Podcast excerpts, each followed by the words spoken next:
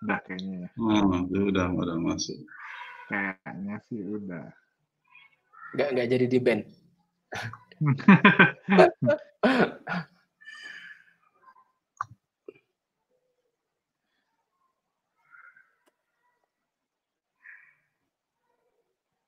udah belum? Live ulang. Kok belum katanya?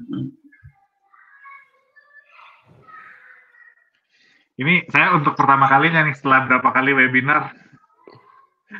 Hmm. Biasanya lebih dari satu jam, Pak Maman, atau Biasanya lebih dari satu jam, Pak. nggak masalah, karena bukan karena waktu Nggak kan? masalah. Enggak, enggak, enggak, enggak. Enggak, enggak. Kalau Ini karena, karena enggak, ini mungkin gara-gara Mas Armi iklannya di Facebook nggak di Google Ads. Ngambek. Bentar ya. jadi. Nah, Halo. Yes. Dia Oke. eh, Oke, ini udah live sekarang. Eh, udah live lagi. Coba sebentar aku cek ya. Eh, sorry buat semua yang tadi nonton. Ini sepertinya ada eh, masalah teknis sebentar ya. Kok bisa ya belum muncul. Oke, coba mungkin boleh komen buat yang kalau udah bisa lihat lagi videonya. Oke, sebentar. Di YouTube ya? Di YouTube ya? YouTube ya. Apa yang ada yang rebroadcast kali ya? Enggak sih, kayaknya enggak deh.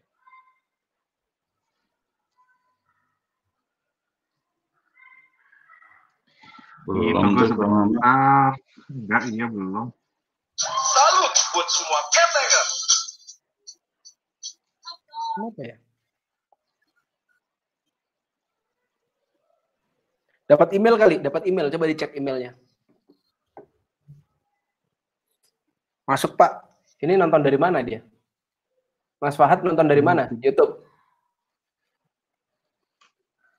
Lah. Udah ya? Baik lagi ya? Nonton dari mana ini? Hmm, Kondisinya baru tadi ya. Linknya pasti baru nih kayaknya. Linknya baru nih, link yang tadi nggak bisa. Ya.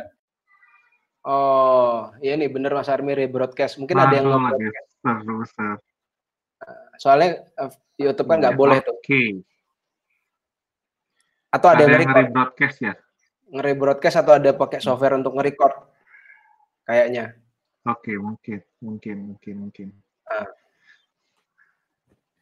Nah, Oke, ini ini, YouTube. katanya udah ya, udah udah live ya, udah live ya. Udah, udah ya. Oke. Saya lanjut nih. Oke, boleh. Silakan Mas Rumi. Aduh, lagi seru-serunya tadi. Sorry banget semua yang lagi nonton. Kita gregetan bener ya. Tadi lagi seru-serunya cerita mengenai tadi jualan tas ya. Jualan Iya. tas dari Indonesia, eh, ekspor Hmm. ke, sorry, kirim satuan ya ke Amerika. Modalnya 100 ribu dijual 60 dolar atau sekitar 900 ribu Iya. ya. Iya. Hmm.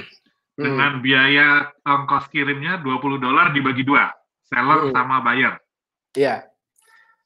Oke ya. Eh ini saya kasih saya kasih disclaimer dulu. Ini bukan barang saya. Jadi jadi eh, barang ini bukan barang saya tapi barang teman saya. Produsen. Jadi benar-benar kalau Anda misalkan produsen, produsen tas atau produsen dompet itu bisa kirim ke luar negeri. Dan ini teman saya produsen. Kirim langsung ke dari Indonesia ke luar negeri. Saya cuman membantu membuka celah-celah marketnya aja. Jadi sebetulnya kehebatannya di mana ya? Kehebatannya bikin produk bisa murah dan bagus. Dan risetnya juga bagus yang dilakukan sudah marketnya itu suka begini. Terus bisa kita tes, kita iklanin. Begitu kita iklanin ternyata laku, udah kenceng, udah jalan, tinggal kirim. 20 dolar itu 10 dolar ke mereka yang bayar, 10 dolar kita yang tanggung. Jadi dapatnya bersihnya kurang lebih sekitar 40 dolar. Kan 60 tuh, 10 10 dia bayar ya eh, 10 dia bayar, 10 kita bayar. Dan itu nyampainya tiga hari loh. Tiga, Tiga hari hari. nyampe. Tiga hari nyampe, kurang dari seminggu pokoknya. Wow. Pakai kirimnya pakai DHL. DHL. Oke, ki- Nah, kirim pakai DHL, hmm. terus tiga hari sampai dengan biaya 20 dolar. 20 dolar. Nice. Nah. Oke. Gitu. Jadi eh, karena itu barang dia sendiri, bukan bukan barang Cina, kualitas bisa dikontrol. Kemudian di dalam barangnya itu bisa di bisa di packing dikasih kayak greetings atau apa segala macam di dalamnya yang bikin orang akhirnya mau kasih testimoni. Orang Amerika tuh hobi ngasih testimoni. Jadi kayak review gitu loh. Foto dia pakai produk, dia review. Nah, reviewnya di website yang sama. Jadi akhirnya bergulung aja di situ rame.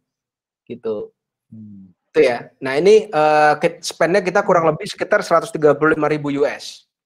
135 US itu berarti eh, berapa ya? 2 M ya.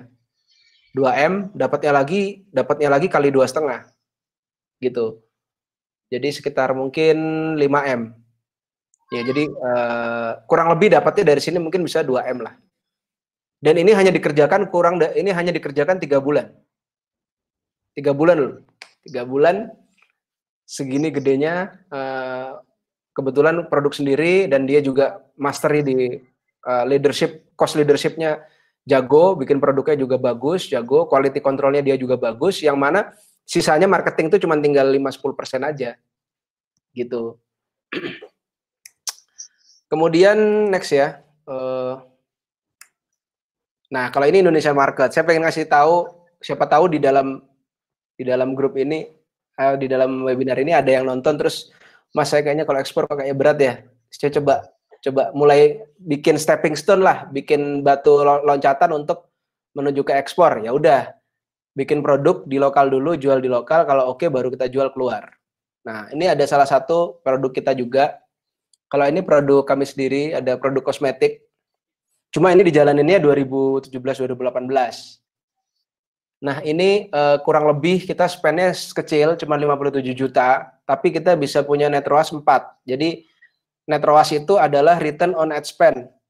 Em, net, kalau saya bi- bicaranya net artinya sudah gross profit, ya gross profit eh, versus ad spend. Jadi, kalau misalkan ad spend kita punya net ROAS 1, artinya gross profit kita eh, itu sudah sudah cukup untuk nutup biaya iklannya aja impas. Itu. Nah, kalau saya bilang 4 berarti kali 4. Kita dapatnya kurang lebih sekitar 200 jutaan. Itu ya. Kemudian ini Indonesian market juga. Kelihatan atau enggak saya nggak tahu. Tapi resumenya ada di samping kanan ini. Ini kurang lebih kita eh, satu bulan spend em, salah satu market ini sekitar 1,3 M mostly rata-rata sat- satu lah, satu 1,3 m. Nah, em, net ROAS kita 1,8. Artinya anggaplah ini 1 m, berarti kita bisa punya gross satu bulan itu 800 sampai 1 m untuk satu produk ini aja. Nah, ini yang saya refer kembali ke roadmap tadi. Artinya kalau kita bicara roadmap yang tadi, itu adalah iklan yang bisa menutup dirinya sendiri dan sisanya itu keuntungan kita. Gitu. Oke. Ini kayaknya udah selesai slide saya. Bisa kita lanjutin ke tanya jawab aja. Oke. Ya. Oke. Eh, Mas Armi dan eh, Pak Nur Syamsu serunya luar biasa. Hmm. Ini seru banget. Sayangnya tadi sempat entah kenapa ya eh, tiba-tiba konon katanya tadi ke band ya, ke band atau eh, entah tapi pokoknya kita akhirnya restart ulang. Tapi nggak apa-apa. Nah tadi aku sempat baca beberapa pertanyaan, beberapa pertanyaan dari dari audiens, dari audiens yang nonton tadi ya di di gelombang pertama sebelum kita Hmm. akhirnya terputus. Eh, tadi ada yang tanya, jadi sebenarnya produk dulu atau market dulu ini kalau tadi kan Mas Armi bilang ya kalau uh, Abdurrahman bin Auf kan bilang tunjukkan saya pasar ya. Uh, kan harusnya pasar dulu. Menurut Mas Armi atau Pak Nur Syamsul lah, mana sebaiknya? Hmm. Monggo Pak Nur. Monggo. Produk dulu apa pasar dulu? Mana ya? Iya. Jadi ka- ka- gini gini Pak Pak Nur. Mungkin kan tadi penjelasannya menarik. Nah, kalau ketika kita mau mikirin ekspor, anggaplah Ya. saya sebagai ini ada dua perspektif nih. Anggaplah saya sebagai produsen ya. Saya produsen, saya punya produk. Ya. Nah, Hmm. pertanyaannya tadi ketika saya mau ekspor ke negara tertentu, apa yang jadi uh, analisa saya pertama kali? Apa Ya, yang harus baik. dianalisa pertama kali? Ya, ya satu eh, kalau mulainya dari produk ya, mulainya dari produk. dan, Asumsinya, eh, kalau asumsinya bahwa saya adalah produsen. Kita sudah sudah ada produk ya. Satu kita Ya. harus tahu cari eh, ke mana produk itu sebaiknya diekspor ya ke negara mana. Milih negara tujuan ekspor ya, milih negara tujuan ekspor. Eh, itu juga saya lihat tadi ada yang juga yang bertanya eh, itu. Yang biasa saya lakukan ya ada satu web ada satu web yang bisa digunakan sebagai tools namanya Trade Map Trademap nulisnya trademap.org ya. Nah, itu berisi data-data statistik seluruh negara anggota PBB eh, bisnis internasionalnya. Jadi perdagangan internasionalnya antar satu negara dengan negara yang lain. Dengan mudah kita eh, Bapak Ibu dalam dalam waktu 1 2 menit bisa tahu umpamanya punya tas eh, wanita dari kulit umpamanya gitu ya. Nah, itu Indonesia ekspor ke mana sih? Nah, itu terus mau lima tahun ke belakang, 10 tahun ke belakang kelihatan. Atau mengincar sebaliknya, umpamanya eh, saya mengincar pasarnya ke Dubai umpamanya. Nah, Dubai itu ngimpor produk yang seperti itu dari mana saja, gimana eh, ininya eh, trennya gitu. Nah, jadi dari data-data itu kita bisa bisa pilih, oh sebaiknya saya ekspor ke sini. Bahkan di di trade map itu eh, ada salah satu fiturnya yang bisa merekomendasikan kita sebaiknya ekspornya ke negara ini, ini, ini, gitu. Nah, riset berikutnya adalah eh, kemudian tasnya sebaiknya kayak apa di pasar sana ada apa. Nah, itu harus dilakukan lagi ya dengan dengan eh, berbagai tools. Ya. Nah, jadi buat si eksportir kalau anda ingin jadi eksportir, skill atau kemampuan itulah yang diperlukan. Ya, gitu. Kalau tadi ada pertanyaan kalau barang cair gimana ngirimnya? Kalau itu bukan isu gitu. Itu tinggal tanya aja sama forwarder cara ngemasnya gimana. Itu mah urusan urusan remeh temeh gitu. Tapi skill yang diperlukan adalah barang seperti apa yang diperlukan di pasar terus eh, itu kemampuan menyerap informasi kemudian eh, menerapkannya ke produk kita. Gitu Pak oke. Oke jadi kesimpulannya dari penjelasannya Pak Nur Syamsu adalah pasar ya. Jadi walaupun kita sudah punya produk, kita cari di mana sih pasar yang paling tepat untuk memasarkan produk ini. Ya, jangan jatuh atau jangan jangan pikiran kita tuh jangan ribet mikirin gimana cara ngirimnya karena ngirim itu urusannya forwarder. Ya. Hmm. Iya. Betul. Telepon telepon aja atau kirim email sekarang atau WhatsApp ke forwarder bilang barangnya ini tolong kirimin ke sana berapa biayanya nanti dia yang pusing mikirin gimana Nah. caranya sampai gitu ya Iya, peraturan-peraturan apa yang ini bisa didiskusikan dengan dia gitu. oke good nah oke kalau sekarang dari Mas Armi gimana Mas Dulu tuh saya pernah tahu sebuah term ya. Saya dapetnya dari dari buku, saya lupa bukunya. Eh, jadi di bisnis model tuh ada istilahnya namanya product market fit, PMF Oke, ya. istilahnya.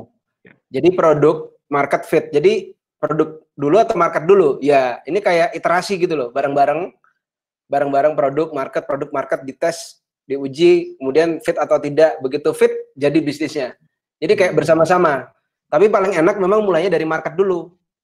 Paling enak. Jadi bikin bukan bikin dulu. Misalkan sudah jelas nih ada orang minta sudah jelas ada orang minta alat nge-gym. Nah, udah nih ketahuan di marketnya. Yang alat nge-gym seperti apa nih yang fit dengan mereka yang suka. Baru kita bicara produk nanti.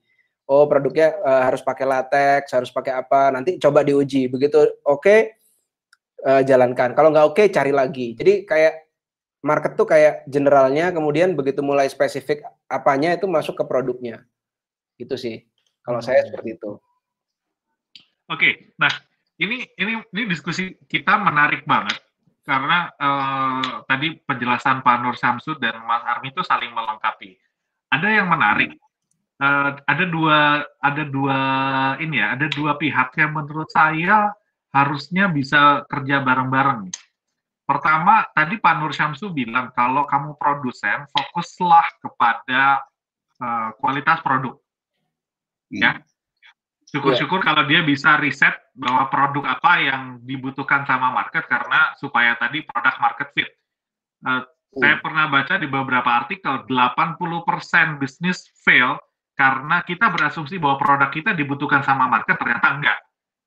Kan gitu ya jadi itu tetap si produsen itu harus harus uh, melakukan riset apakah produk saya ini cocok dengan kebutuhan market.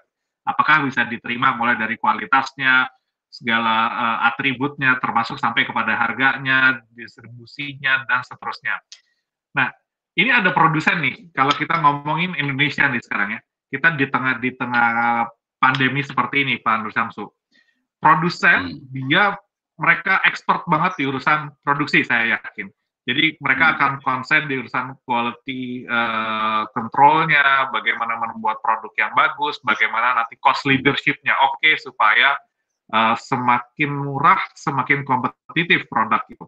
Nah, ada juga tim uh, internet marketer sama, seperti Mas Armi yang jago banget, jago banget melakukan analisa market menggunakan Facebook Ads, salah satu toolsnya untuk menganalisa sebenarnya bagaimana tren termasuk ada yang perlu di riset selain tadi produk adalah riset komunikasinya salesnya hmm. kayak tadi Mas Armi cerita bahwa jualan bando itu hampir semua tadi yang jawab adalah ini ibu-ibu hmm. hampir semua yang jawab ibu-ibu ternyata jawabannya bukan ibu-ibu ternyata jawabannya adalah nenek-nenek yang beli ini kan juga perlu di riset ya karena produk yeah. itu tersendiri, produksi produk itu sendiri, sedangkan sales itu juga perlu diriset.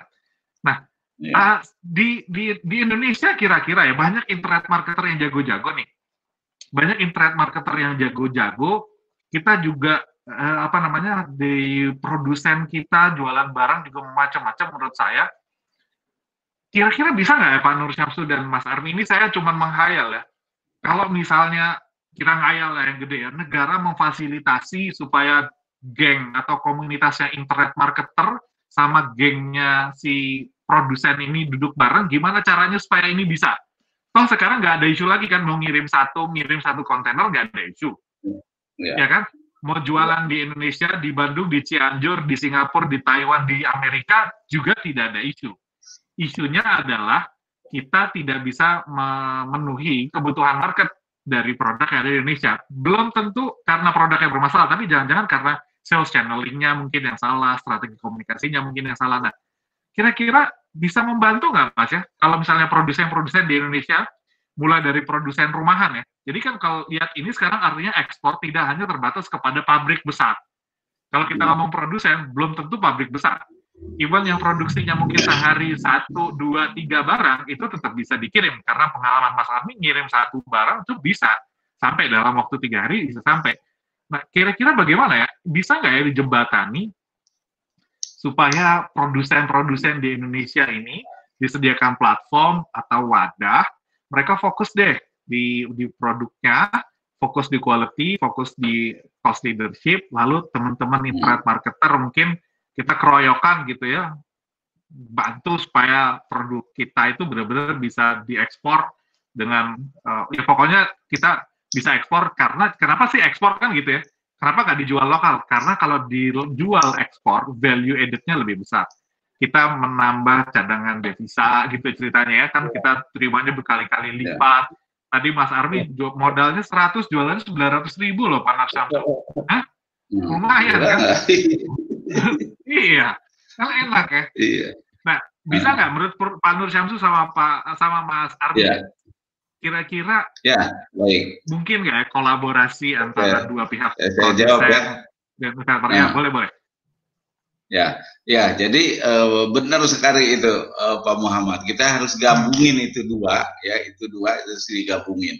Uh, itulah makanya kami ya, kami dengan teman-teman Eh, membuat itu yang namanya exploit agregator gitu ya e, jadi memang nggak bisa dipaksa si produsen itu kan ininya beda darahnya DNA-nya beda tuh orang yang Betul. fokus diproduksi sama marketer gitu Setuju. ya Setuju. tidak semua orang bisa mungkin ada orang-orang yang bisa dua-duanya dikerjakan tapi tidak semua tidak semua bisa gitu. dan begitulah negeri lain melakukannya gitu contohnya China ah.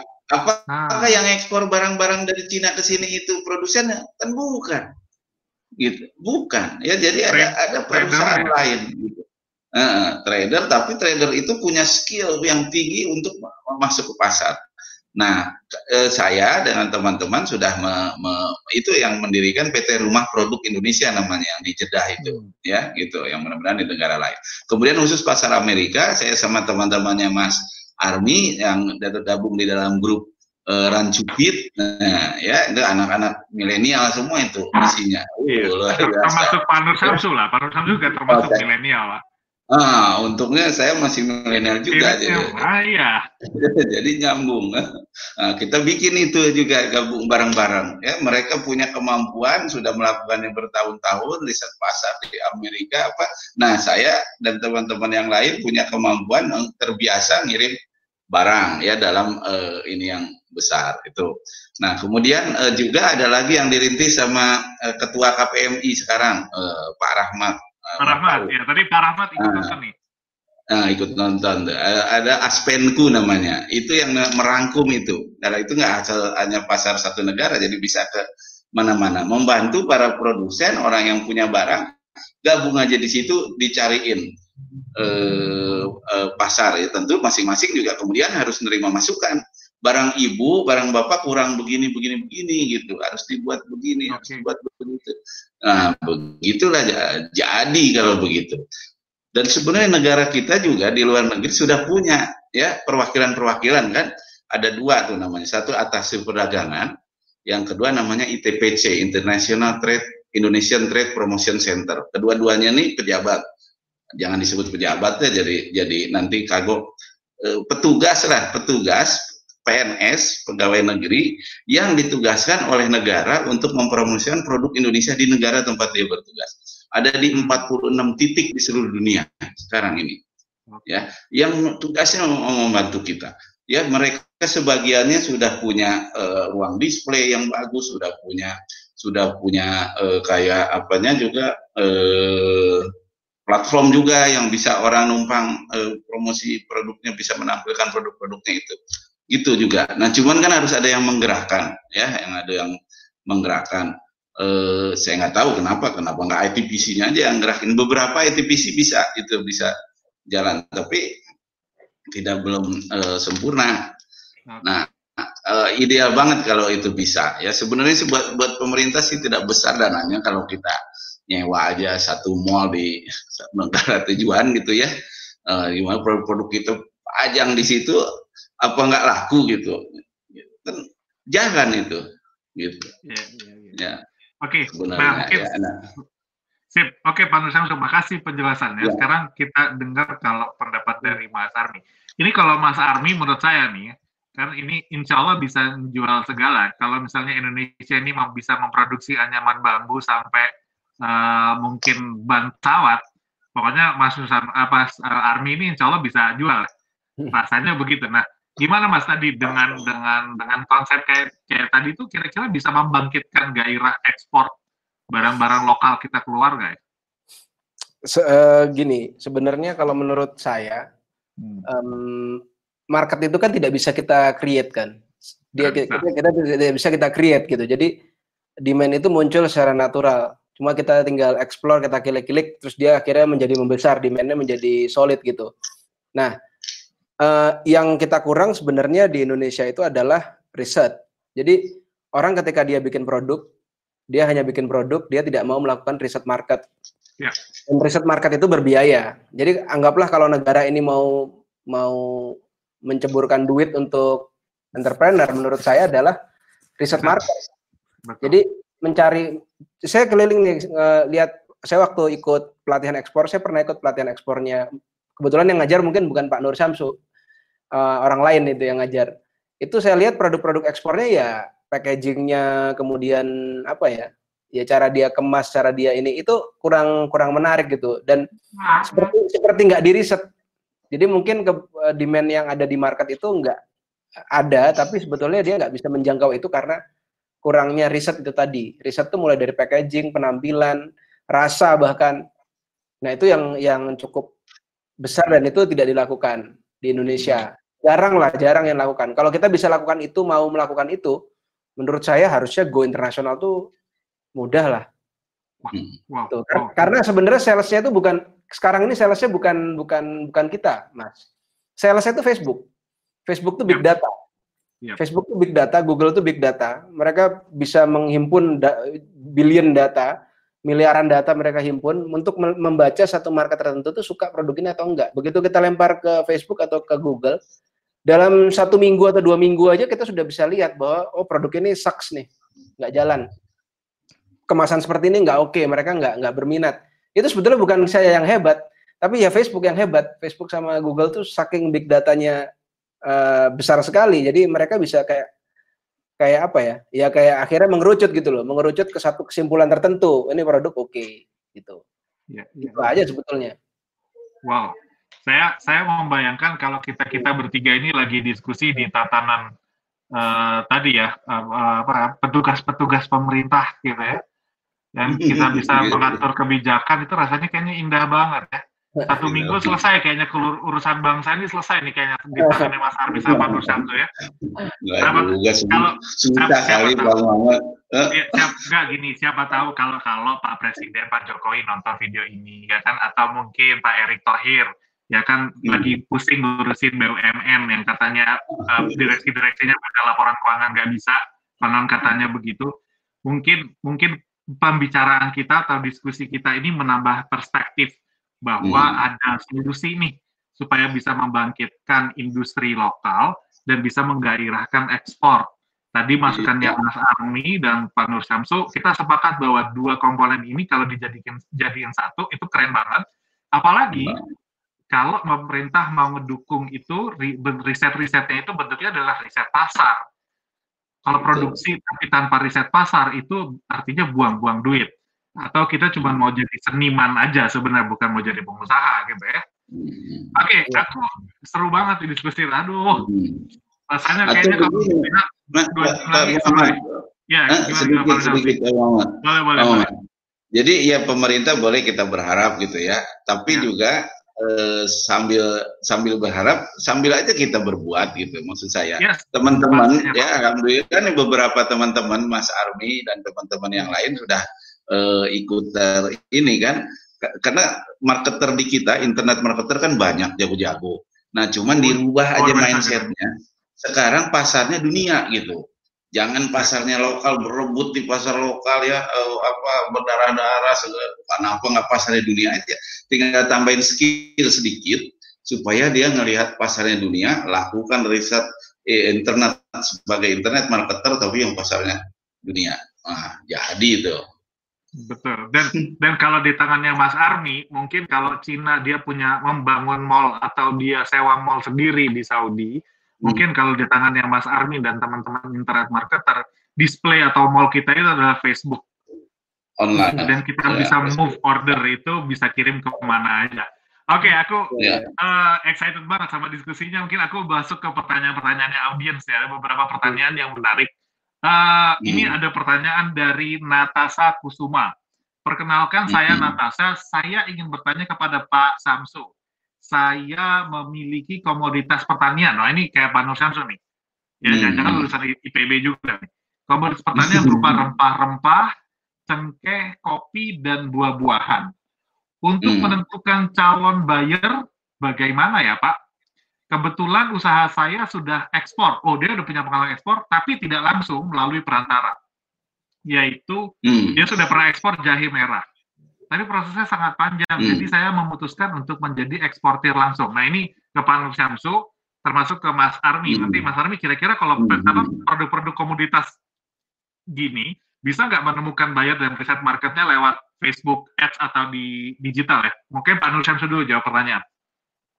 Ya, ya banyak teman-teman yang teman-teman yang sudah eh, melakukan eh, produk-produk primer seperti itu ya, produk komoditi yang dapat bayarnya secara digital, jadi ba- lewat eh, Facebook Ads ya. Sekarang di Facebook kan yang punya Facebook ada di mana-mana dan juga butuh barang eh, apa saja. Ya selain yang cara-cara yang konvensional juga ya ikut pameran, kemudian juga melakukan promosi eh, melalui internet secara eh, mandiri. Tapi kalau sekarang tidak bisa dihindari harus punya eh, itulah media-media untuk bisa membantu dia mempe- mempertemukan dengan pembeli. Dengan adanya internet sebenarnya ya sebenarnya ini dengan adanya internet sekarang pembeli itu seperti terhampar di depan kita gitu. Ya kalau dulu belum ada internet iya susah gitu. Saya pertama kali ekspor tahun 90 gua boro-boro internet gitu. Dan mesin fax aja baru ada di beberapa perusahaan aja waktu itu. Gitu. Tapi bisa tuh dapat pembeli. Lebih susah lagi saya waktu itu, waktu itu saya berpikir zaman dulu Nabi Muhammad bisa ekspor antar negara, gimana cara dapat pembelinya? Bisa. Gak pakai gak pakai Facebook, gak pakai DHL. Nggak pakai nggak pakai DHL. Jangan penjajahan Belanda, Pak. Belanda datang ke sini ngejajah kita, katanya ngambil barang-barang produk rempah-rempah untuk dijual di Eropa. Apa yang dia lakukan? Telepon aja belum ada, gitu. Tapi bisa. Jadi kalau sekarang ada internet sangat mudah. Aduh, kalau benar tetap nggak bisa, terlalu katanya. terlalu. Oke. Okay. Oke, okay, Pak Mas Armi. Uh, hmm. Mas Armi, kalau menurut Mas Armi, untuk produk-produk komoditas kayak yang uh, Ibu Natasa uh, sampaikan ini, mungkin nggak pakai platform digital ya untuk riset marketnya, terus termasuk sellingnya. Dan pertanyaan saya tambahan adalah, apakah selling melalui seperti platform Facebook ya, uh, atau platform digital lain, memungkinkan nggak kita dapat order yang jumlahnya gede? Kalau tadi kan Mas Armi kan kirim satu-satu, yang jumlahnya kontaineran. Hmm. ada tuh. Apa enggak? Ada satu guru saya juga uh, di Cirebon juga uh, dia dia eksportir. Ya. Marketnya Eropa dan beriklannya nggak di Facebook. Jadi nyari pembelinya di Google. Gitu. Hmm. Jadi Google Ads. Google Ads misalkan okay. misalkan Anda ngiklannya rempah-rempah nih, rempah-rempahnya apa cengkeh gitu misalkan. Distributor cengkeh itu kan bahasa Inggrisnya apa disesuaikan aja kan nega, eh, apa bahasa di negara tujuan ya. Misalkan mau ngekspor ke Belgia iklan anda dipasang di Belgia terus disesuaikan dengan bahasanya mereka uh, ekspor apa distributor uh, cengkeh dari Indonesia gitu misalkan. Nah udah tuh atau supplier supplier cengkeh Indonesia. Tinggal ditranslate ke bahasa Belgianya iklankan di Belgia. Hmm. kalau kalau yang sifatnya bulk begini gede-gede gini biasanya Google. Itu teman saya uh, ya guru saya ini ekspor Eropa itu kontaineran juga. Oke. Okay. Saat iklan iklannya cuma berapa ya? Iklannya sebulan itu cuma 100 juta apa? Satu satu kliknya itu bisa sampai satu juta apa lima ratus ribu gitu per klik satu klik tuh. Belum orang belum masuk. Tadi kan saya cerita lima ratus rupiah. Nah ini ya. dia lima, bisa lima ratus ribu, tiga ratus ribu per klik. Tapi satu klik satu kontainer gimana tuh mas? Iya nggak apa-apa.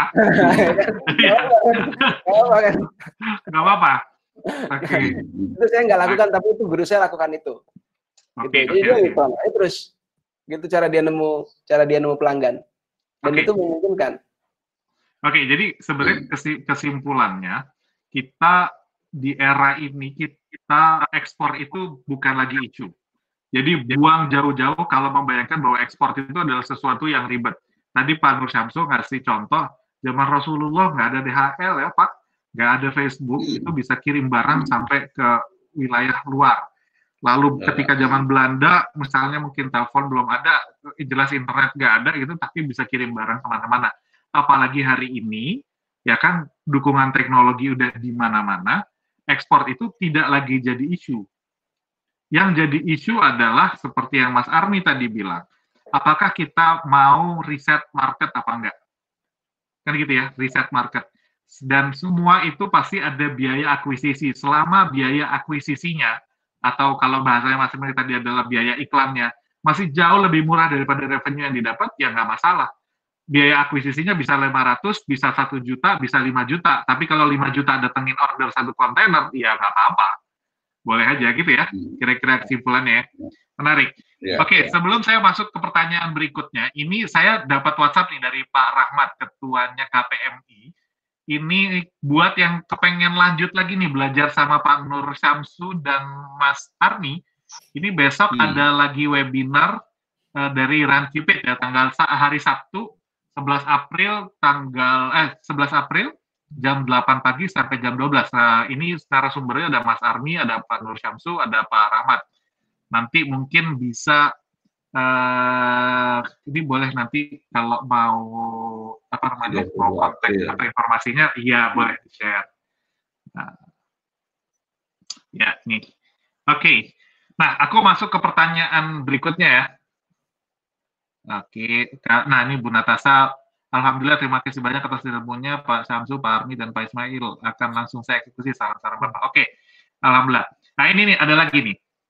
Wow, ini ada yang nonton dari Jerman, domisilinya di Jerman. Kepada Mas Armi, nama saya Ahmad, domisili saya di Jerman tertarik sekali dengan pembahasan yang agak lebih detail terkait ekspor melalui Amazon. Boleh toh, boleh dong, boleh tolong diperjelas lagi. Terima kasih. Mungkin boleh singkat aja Mas. Ini uh, ya. saya yakin mungkin tidak semua familiar dengan ya. dengan yang Mas Armi cerita tadi ekspor ah. melalui Amazon. Boleh dikasih sekilas dong? Hmm, jadi barangnya ada di Indonesia, kemudian nanti kita akan kirim barang itu ke gudang yang ada di Amazon Nah, Amazon itu akan ngecharge nanti ada biaya gudang, ada biaya apa dan seterusnya dan seterusnya, biaya bulanan ada. Intinya kita bisa memanfaatkan gudangnya di Amazon. Ya, dan fulfillment kemudian, center ya. Ya, fulfillment, fulfillment by Amazon. Kemudian barang itu kita letakkan di Amazon. Sesederhana itu aja. Bahkan uh, sepertinya gudang Amazon ini dia uh, juga bisa membuka channel untuk website pribadi untuk shipment juga. Tapi itu oh, itu okay. itu masalah itu masalah itu masalah kecil, itu gampang. Yang penting barang itu sudah ada di Amerika. Nah, itu cara cara masukinnya kita titipkan di gudangnya Amazon, fulfillment by Amazon. Sederhananya gitu. Teknis lebih detailnya itu nanti Pak Nur yang akan paham karena Pak Nur jagonya ngirim. Nanti ada ada Nudira itu punya punya ekspor agregator yang kerjasama dengan pemain Amazon juga yang ada di Indonesia juga internet marketer yang memang spesialtinya di Amazon. Nah mereka mereka uh, punya skim kerjasama untuk ini. Jadi barangnya dikirim, dikemas, seperti apa ngemasnya, seperti apa packagingnya, labelnya apa, itu nanti detail sekali. Nanti itu ada di hmm. ekspor agregator. Boleh nanti follow Pak Nur Syamsu, karena akan sering okay. acara itu. Yeah. Oke, okay. yeah. uh, oke okay. menarik, menarik sekali. Uh, tapi mungkin waktu kita agak lumayan, ini udah hampir dua jam mungkin gini, Pak Nur Syamsu dan Pak uh, sorry Mas Armi, boleh share boleh share dong sosial medianya. Kalau misalnya mau mau follow Pak Nur Syamsu dan Mas Armi, kalau mau tanya-tanya di mana boleh Pak Nur Syamsu, Pak Mas Armi? Boleh boleh. Uh, ya.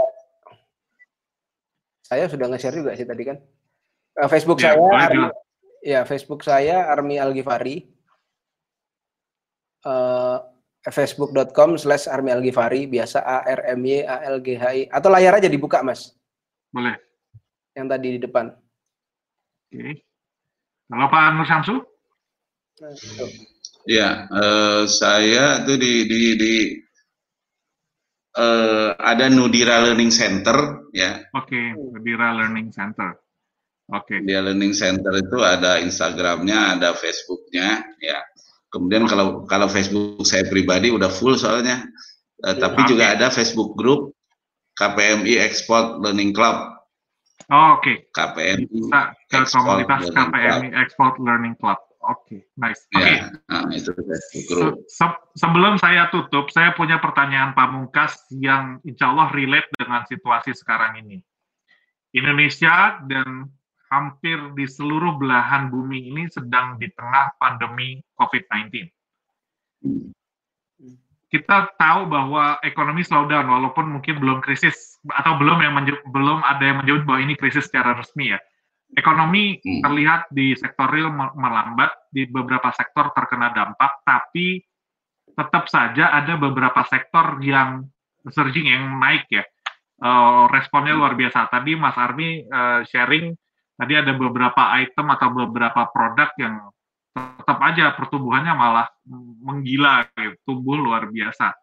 Nah, pertanyaan saya adalah gini, ketika kondisi lockdown kayak gini, mungkin kirim barang mungkin susah di sebagian kita yang nggak ngerti, mungkin kita berpikir ini kan kondisinya lagi lockdown, beberapa negara lockdown. Apakah pengiriman internasional itu masih terbuka? Artinya, apakah kalau saya atau kita atau siapa pun yang lagi belajar di sini ingin belajar atau mau coba ekspor, apakah ini waktu yang tepat? Pak Nur Syamsu ya. dan Mas Armi, silakan. Ini pertanyaan pamungkas. Ya, baik. Terima kasih.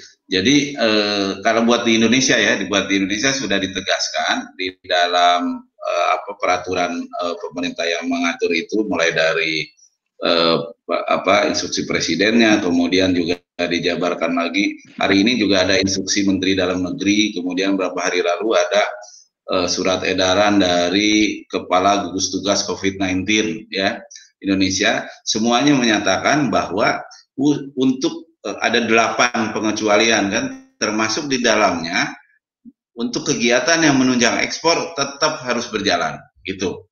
Ya, jadi tidak ada masalah dari sisi kita di sini. Yang mulai dari industrinya yang untuk ditujukan ekspor boleh jalan, tapi tetap semua memperhatikan itu ya, social distancing, kemudian uh, sering cuci tangan, yang itu semua protokol harus ada semua.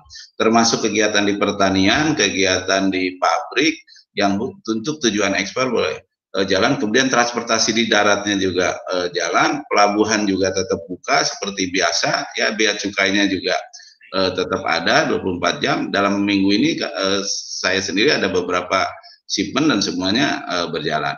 Kemudian di negara tujuan juga begitu, kalau untuk kebutuhan-kebutuhan yang apa ekspor impor masih tetap berjalan. Hari ini pun saya ada ada impor juga untuk alat pertanian uh, masuk juga nggak ada uh, gangguan juga untuk impor pun. Sepanjang itu satu untuk pertanian untuk kebutuhan itu kalau impor ya untuk kebutuhan kesehatan pertanian apa sangat uh, lancar deh. Tapi kalau ekspor semua produk apa aja nggak ada tidak ada gangguan kecuali yang dilarang. Sekarang kan dilarang ekspor masker, ekspor APD apa yang gitu uh, enggak ya. Tapi katanya ekspor masker kain yang bukan ekspor masker untuk medis uh, juga sudah di, sudah dibuka lagi sudah di uh, bolehkan. Jadi tidak nggak uh, ada uh, masalah. Hmm. Cuman memang beberapa berkaitan dengan produknya. Produk-produk yang tidak dibutuhkan terlalu dibutuhkan sekarang nggak terlalu ada uh, pembelinya. Ya. Balik lagi, balik, balik lagi pasar dulu. Uh, pasar dulu, gitu. Uh, Oke. Okay. Ya, silakan Pak Pak Sarmi. Kalau saya sih ekspor atau tidak ekspor itu sudah bukan lagi pilihan. Okay. Pilihannya itu cuma sudah ekspor.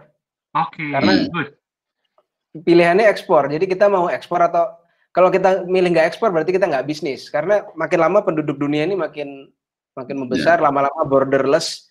Jadi kalau misalkan anggaplah sekarang COVID-19, menurut saya momentum ini bisa dipakai untuk mengurus perizinan. Perizinannya okay. lama. Ya, ya, ya. Misalkan gini, saya putusin, oke okay, hari ini saya mau ekspor. Belum tentu besok bisa ekspor. Baru hmm. jalannya paling 8 bulan hmm. lagi, 10 bulan okay. lagi gitu kan ngurus suratnya, ya, perizinan, ya. apa minimum, dan yang lain. Gitu. Minimum punya NPWP dan NIB ya, Pak Nah, ya. itu dulu bisa. Ya, itu dulu. Itu dulu. Uh, ya kalau misalnya teman-teman yang lagi nonton uh, ini ini menarik statementnya Mas Armi hmm. udah bukan pilihan apakah saya mau ekspor atau enggak karena kita ada di dunia yang borderless borderless itu membuat sebenarnya membuka peluang dan menjadi keuntungan buat kita artinya pasar itu luar biasa besar jadi ya. jangan me, jangan ada lagi dikotomi bahwa ini ekspor saya jual keluar atau enggak. No, kita memilih market dan market itu bisa aja nggak ada di Indonesia, tapi bisa jadi ada di Taiwan, ada di Cina, mungkin ada di Hong Kong, mungkin ada di Kanada, mungkin di Amerika seperti yang Mas Armi lakukan. Artinya nggak bukan dikotom nggak perlu lah kita dikotomi ekspor dan enggak pilihannya adalah memang kita harus mengirim barang keluar di mana peluang dan market itu terbuka sangat besar. Ya. Saya ada ya. satu ada satu contoh mas sedikit. Boleh. Kalau ada yang ngikutin Netflix itu ada satu serial namanya Money Heist. Ya. Nah, kalau anda suka, ya. suka film Netflix itu akan lihat film Money Heist. Ya. Nah, film Money Heist itu satu tahun pertama dia jualan di Spanyol nggak laku. Dia hmm. jualan di negaranya sendiri satu satu dua tahun nggak laku. Akhirnya film itu mau ditutup. Selesai sudah nggak ada lanjutannya. Itu selesai di season 1, selesai. Okay. Dibeli sama Netflix, dimasukkan ke marketplace dia. Boom ditaruh di Netflix. Boom, langsung menjadi serial nomor tiga dunia sekarang untuk ya. serial hari ini. Ya. Bisa jadi produk kita gitu nanti. Oke. Okay. Gitu. Wow, wow, luar biasa. Ini ke ya. apa insight yang luar biasa bagus buat kita semua. Uh, saya mengucapkan terima kasih banyak uh, pertama-tama buat dua narasumber yang bikin malam ini jadi luar biasa seger luar biasa seru. Uh, dan makasih banyak Pak Nur Syamsu dan Mas uh, Armi atas uh, sharing-sharingnya. insya Allah sharing malam ini uh, bisa membuka peluang atau jadi penyegaran buat semua teman-teman pengusaha dan dan yang lagi nonton bahwa ekspor itu bukan lagi isu. Ini adalah sesuatu yang mudah. Yang paling penting adalah carilah market yang tepat untuk produk yang ingin Anda pasarkan pasar itu tidak hanya di Indonesia. Hilangkan bahwa itu Indonesia atau enggak. Pasar kita adalah dunia karena kita sedang hidup beruntung di dunia yang borderless. Kirim ke mana aja gampang, mau jualan ke mana aja gampang, mau riset market di mana aja itu gampang. Insya Allah komitmen Zahir akan terus seperti ini. Saya luar biasa senang malam ini karena uh, saya merasa bahwa Zahir mendeliver value-nya bahwa kita punya komitmen, punya misi untuk membantu teman-teman bisa tumbuh dan mudah-mudahan saya yakin sekali menghadirkan Pak Nur Syamsu dan Mas Armi malam ini adalah sesuatu yang luar biasa dan menjadi pengungkit agar bisnis kita, semangat kita, peluang kita terbuka dan insya Allah kita bisa sama-sama tumbuh dan tumbuhnya kita adalah tumbuhnya untuk bangsa Indonesia mudah-mudahan. Oke, okay? Terima kasih banyak Pak Nur Syamsu, uh, Mas Armi, dan buat semua yang nonton, silakan subscribe di channelnya Zahir atau uh, lihat uh, like, follow di account-accountnya Zahir di Twitter, di Facebook, dan di Instagram.